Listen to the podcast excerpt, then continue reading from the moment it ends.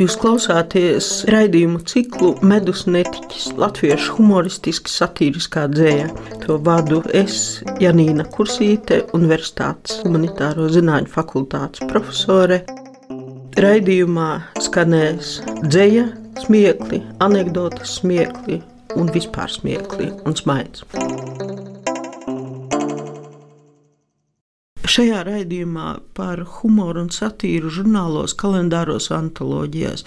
Jo humors un satīra, kamēr iznāk atsevišķā dzīvoļu krājumā, tam kaut kur jāparādās, ir sevi jāpierāda. 1925. gadā iznāca pirmā latviešu humoristiskā satīriskās dzīslas antoloģija Jautrās mūzes.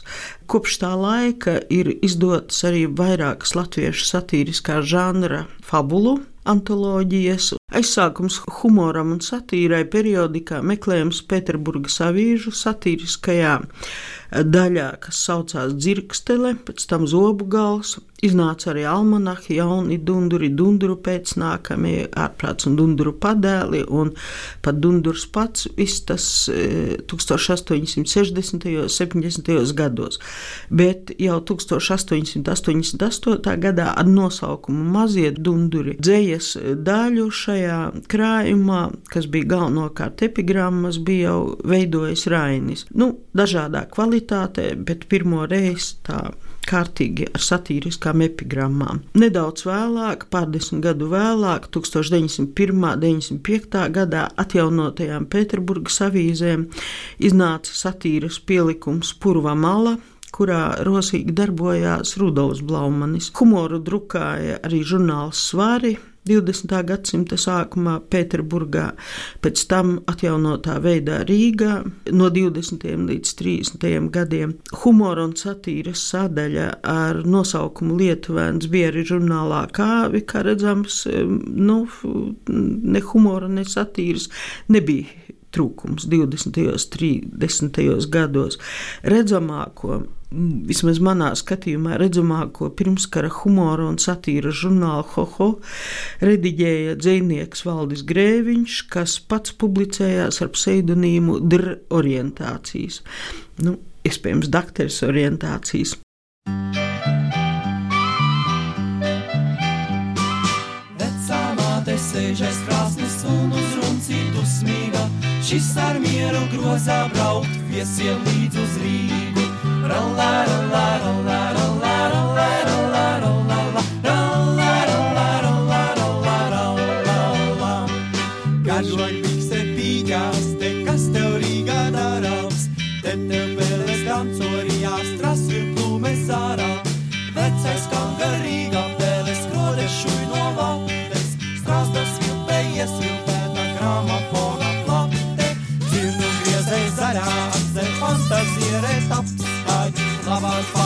paliec piemetīsim balderjāņa šņapstu. Rīgā balderjāņi neaug izstāvās nav plona. Rīgā šņapstu dzēne sapnēm uz ko šampiņonas.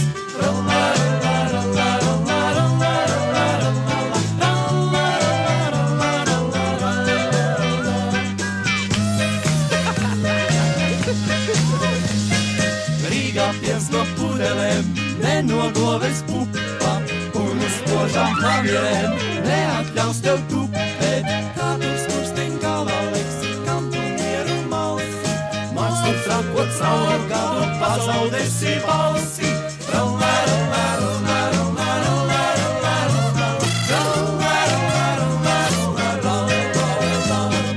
Vecais hangars stāv un doma savā ruča garā, Pēles polku dansorijās, tas ir tumesā vecais klangas stāv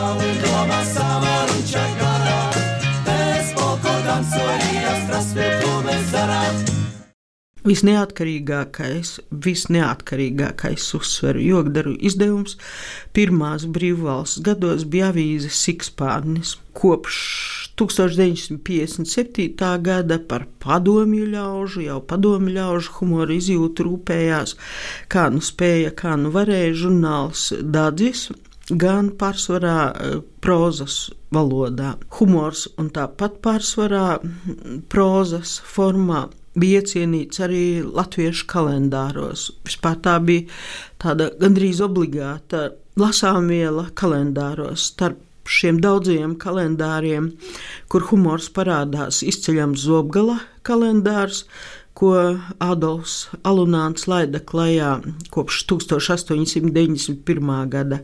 Savs Zobgalu kalendārs bija arī dzēniekam Edvardam Treimanim. 20. Eh, gadsimta sākumā. Savukārt Dārvids Zeltiņš priecināja lasītājus ar vispārīgo zobgala kalendāru 20. un 30. gados ar tādu, eh, nu, nevar teikt, niknu, bet tādu riktīgi satīrisku ievirzi izcēlā savulaik Līvu Jurkas kalendārs ar nosaukumu kalendāram. Nosaukums bija Rīkstes no 22. līdz 34. gadam. Bez šiem nosauktiem bija arī vēl samērā daudzi citi kalendāri, gan arī citi humoristiski izdevumi, īpaši 1920. un 30. gados. Kad ir brīvs gars, tad arī brīva izteikšanās, un brīva izteikšanās eh, neiztiek arī bez humora un bez savas satīras devas. Tā tas bija, un paldies Dievam, ka tā bija. Eh, te kā postskriptum um, dziesma Dzelsgriezējs divi - Ainārs Virga, Līvi un Valda Grēviņa, jeb orientācija vārdi. Eh, žurnālā Hoho, kur jau es minēju, redaktora un vienlaikus dzinieka Valda Grēviņa alias orientācija piemiņai skan Aivara Virgas dziesma Dzelsgriezējs divi. Grēviņa teksts nebūtu nav humoristisks, drīzāk tas ir gotiska baisuma un nu, tādas spītīgas apņēmības iedvests šī dziesma pirmoreiz, cik zināms, publiski atskanēja atmodas gadu sākumā. Laikam tas bija 1987. gads, kad sabiedrībā brieda pārmaiņas. Informācijai dzelzgriezēji senākos laikos bija amats. Piemēram, 1869. gadā Rīgā dibinātajā Ruso baltu rūpnīcā arī tāds esot bijis dzelzgriezējs. Nezinu, cik viņi saņēma. Bet Valdis Grēviņš 30. gados, būdams kreis noskaņots, nu, laikam taču ticēja, ka veco pasauli var prasmīgi sagriezt un pārkausēt kā pilnīgi no jauna. Arī 1980. gados nu, sabiedrībā virmoja ticība, ka atliek tikai izrauties no padomju okupācijas, jūga, un ar mums viss būs kārtībā. Ir labi ticēt vismaz pa laikam, ka ir iespējamas pārmaiņas. Un vēl labāk ir, ka tomēr tāds satīras tonis nepazūd. Eh, tad ir vieglāk piezemēties, kad ilūzijas zūd. Par šo šī dziesma.